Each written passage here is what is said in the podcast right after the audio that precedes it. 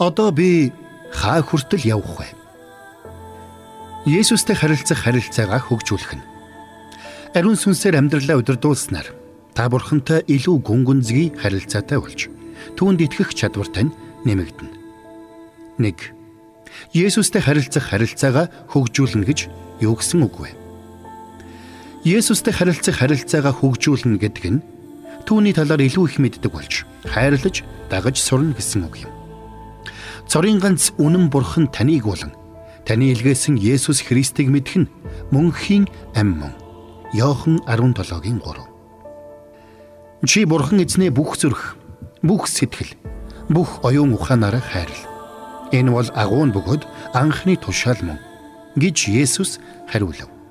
Матай 22-ын 37-аас 38. Бурхныг гисэн хайр тань нэмэгдэх тусам тушаалуудыг нь дуулууртай дагдаг. Есүс ярьж байна. Миний тушаалуудыг хүлээн авч сахигч нь намайг хайрлагч мөн. Намайг хайрлагч нь эцэгт минь хайрлагдана. Би ч түүнийг хайрлаж өөрийгөө түүнд илчлэн. Йохан 14:21. Хүүхэд эцэг эхтэйгээ хайрын харилцаан дотор өсөж хөгждөг шиг бурхантай харилцах харилцаагаа хөгжүүлэх нь зөв ёсны хэрэг юм. 2 Тэгвэл Есүстэй харилцах харилцаагаа хэрхэн хөгжүүлэх вэ? Ямар ч харилцаанд бие биентэйгээ харилцах холбоотой байх маш чухал байдаг. Есүстэй харилцах харилцаагаа хөгжүүлэхэд тань туслах харилцаа холбооны дөрвөн талбар бий. 3. Бурхан Библиэр дамжуулан өөрийн зан чанар хүслээ илэрхийлэх гэх мэтэр бидэнтэй янз бүрийн арга замаар харилцдаг. Бичвэр бүр Бурханы амьсгалснаар бөгөөд заах үе зэмлэх үе, залруулах үе, зөвд чиглүүлэх үед тустай. Энэ нь бурхны хүн чадамгай альва сайн үйлд бүрэн бэлтгэгдсэн байхын тулд юм. 2 дугаар Тимод 3-ын 16-аас 17. Яг одоогоор Библи уншихын эдгээр ач тусын аль нь танд хамгийн чухал байна? 4. Би залбирлаар дамжуулан бодол санаа, хэрэгцээ, хүсэл сонирхлоо хуваалцах замаар бурхантай харилцдаг. Юунд ч санаа бүү зав. Харин аливаа зүйлд залбирлаараа болон гуйлтаараа талархалтайгаар хүсэлтэд бурханд мэдүүл.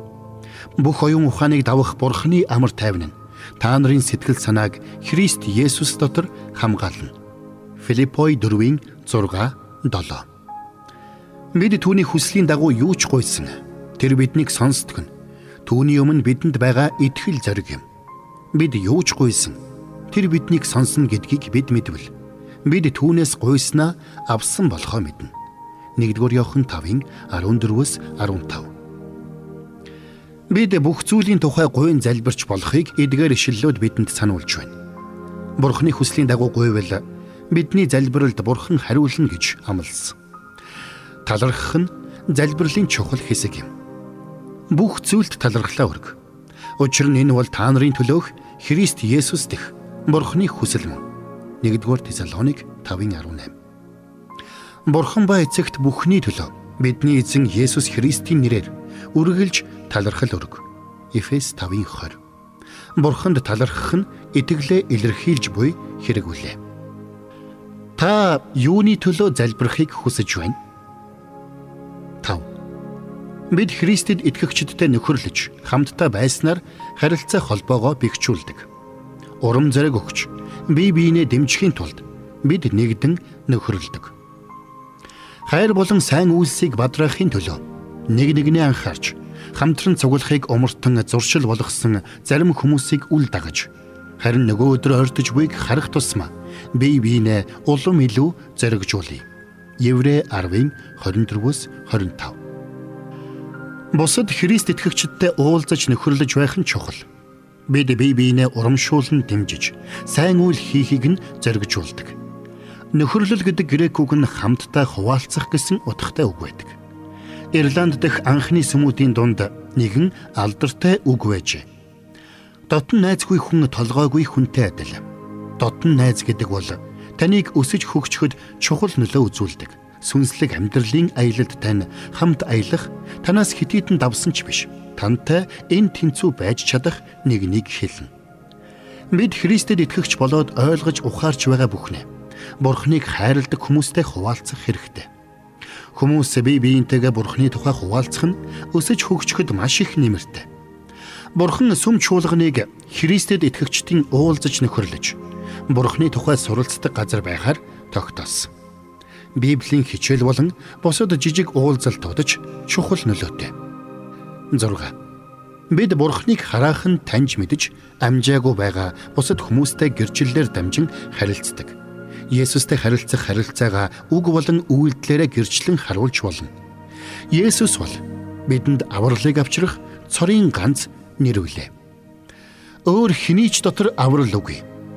Учир нь бид аврагдж болох өөр нэр Тэнгэрийн доор хүмүүнд эс өгөгдөв. Үйлс 4-ийн 12.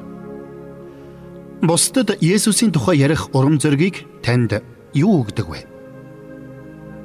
Есүсийн таны амьдралд хийж өгсөн зүйлийг та хинтээ хамгийн түрүүнд хуваалцмаар байна.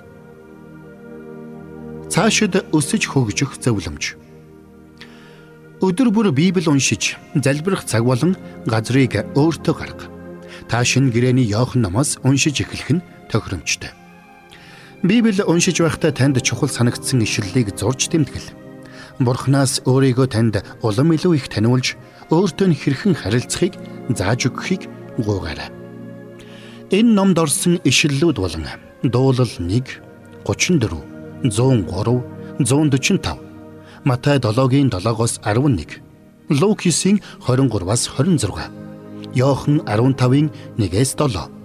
1-р Коринт 12-ын 12-оос 27.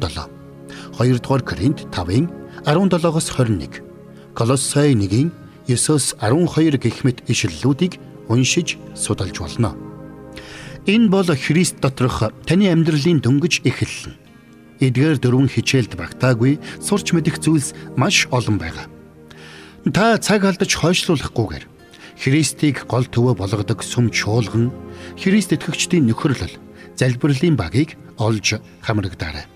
Мөн өөртөө Христч номын дэлгүүрээс ном, материал олж уншаарай. Дүгнэлт. Ариун сүнсний хүч чадалд түшгэлж бусад итгэгчдтэй Библийг судалж залбирахад цаг гаргаарай. Мөн Есүсийн тухай бусадтай хуваалцсан гэрчлээрэй. Бурхан таны дотор гайхалтай чанараа улам бүр хөгжүүлж та сүнслэг талаараа өсөж хөгжсөөр байх болно.